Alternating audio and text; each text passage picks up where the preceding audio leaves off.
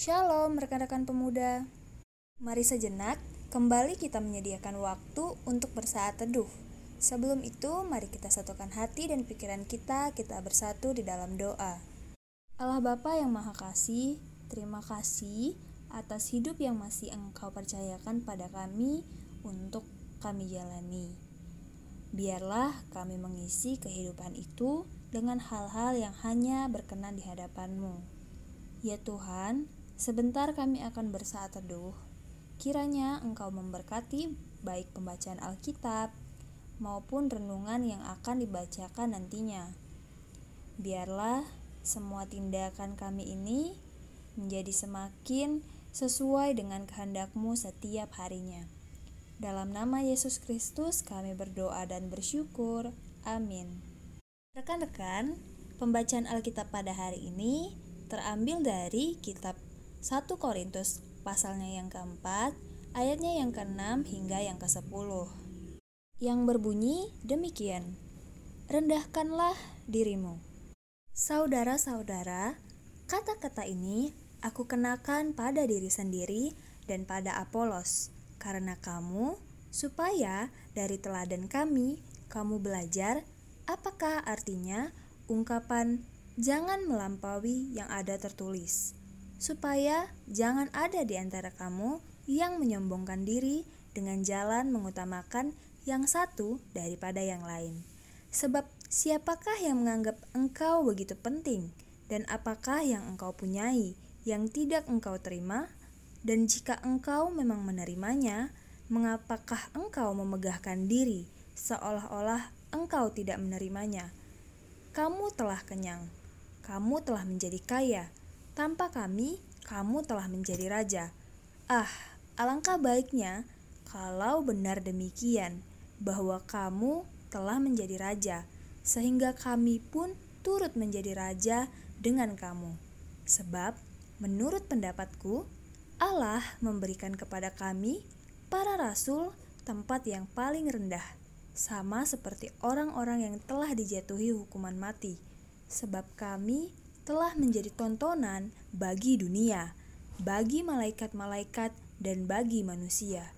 Kami bodoh oleh karena Kristus, tetapi kamu arif dalam Kristus. Kami lemah, tetapi kamu kuat. Kamu mulia, tetapi kami hina.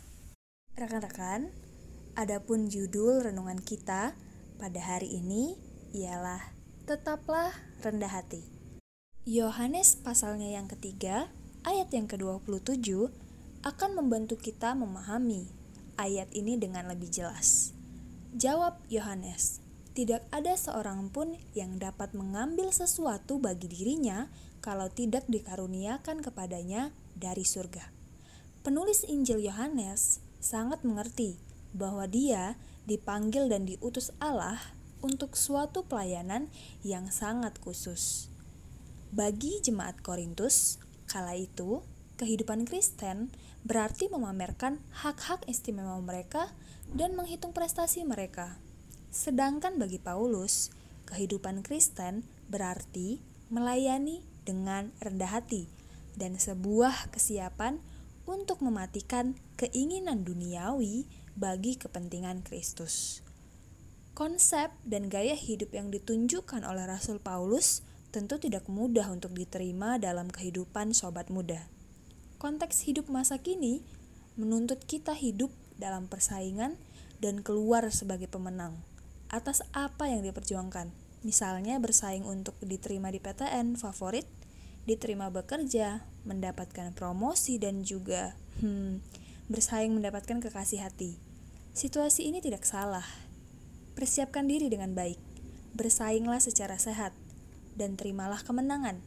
Tetapi jika belum, tetaplah berjuang. Inti pesan pembacaan Alkitab hari ini adalah panggilan untuk membangun kesadaran kita bahwa segala kompetensi dan peluang yang kita miliki adalah pemberian Allah yang harus dikelola dengan penuh kerendahan hati dan bertanggung jawab demi memuliakan Allah. Kehidupan sobat muda bukan untuk memamerkan kompetensi dan keberhasilan yang dimiliki. Sebaliknya, hadir menjadi teladan yang rendah hati dan bertanggung jawab. Seluruh kompetensi dan keberhasilan yang dimiliki berasal dari Allah dan dikelola hanya untuk kemuliaan Allah. Jadi, hidup kita bermakna bukan karena apa yang kita hasilkan, namun karena kita bertanggung jawab untuk mengelola karunia Allah bagi banyak orang. Muliakanlah Allah dengan hidupmu. Sekian renungan kita pada hari ini. Kiranya ini menjadi motivasi baru bagi kita dalam mengisi kehidupan kita. Rekan-rekan, kita kembali bersatu di dalam doa. Tuhan Yesus, kembali kami naikkan syukur atas berkat yang tak terhenti-hentinya melimpahi hidup kami. Kami sudah bersaat teduh ya Tuhan, biarlah apa yang sudah kami dengarkan diam di dalam kami dan menjadi benih buah yang baik. Ya Tuhan, kiranya biarlah hikmat dan kebijaksanaan ada dalam diri kami guna kami mengerti bagaimana cara paling baik mengelola seluruh karunia-karunia yang Engkau berikan kepada kami. Biarlah kami mengelolanya hanya untuk memuliakan namamu sebagai bentuk tanggung jawab kami kepadamu. Tuhan Yesus, inilah kami. Kiranya Engkau juga memberkati sepanjang hari ini. Kiranya Engkau lah yang hadir untuk melancarkan urusan-urusan yang akan kami hadapi dalam sepanjang hari ini.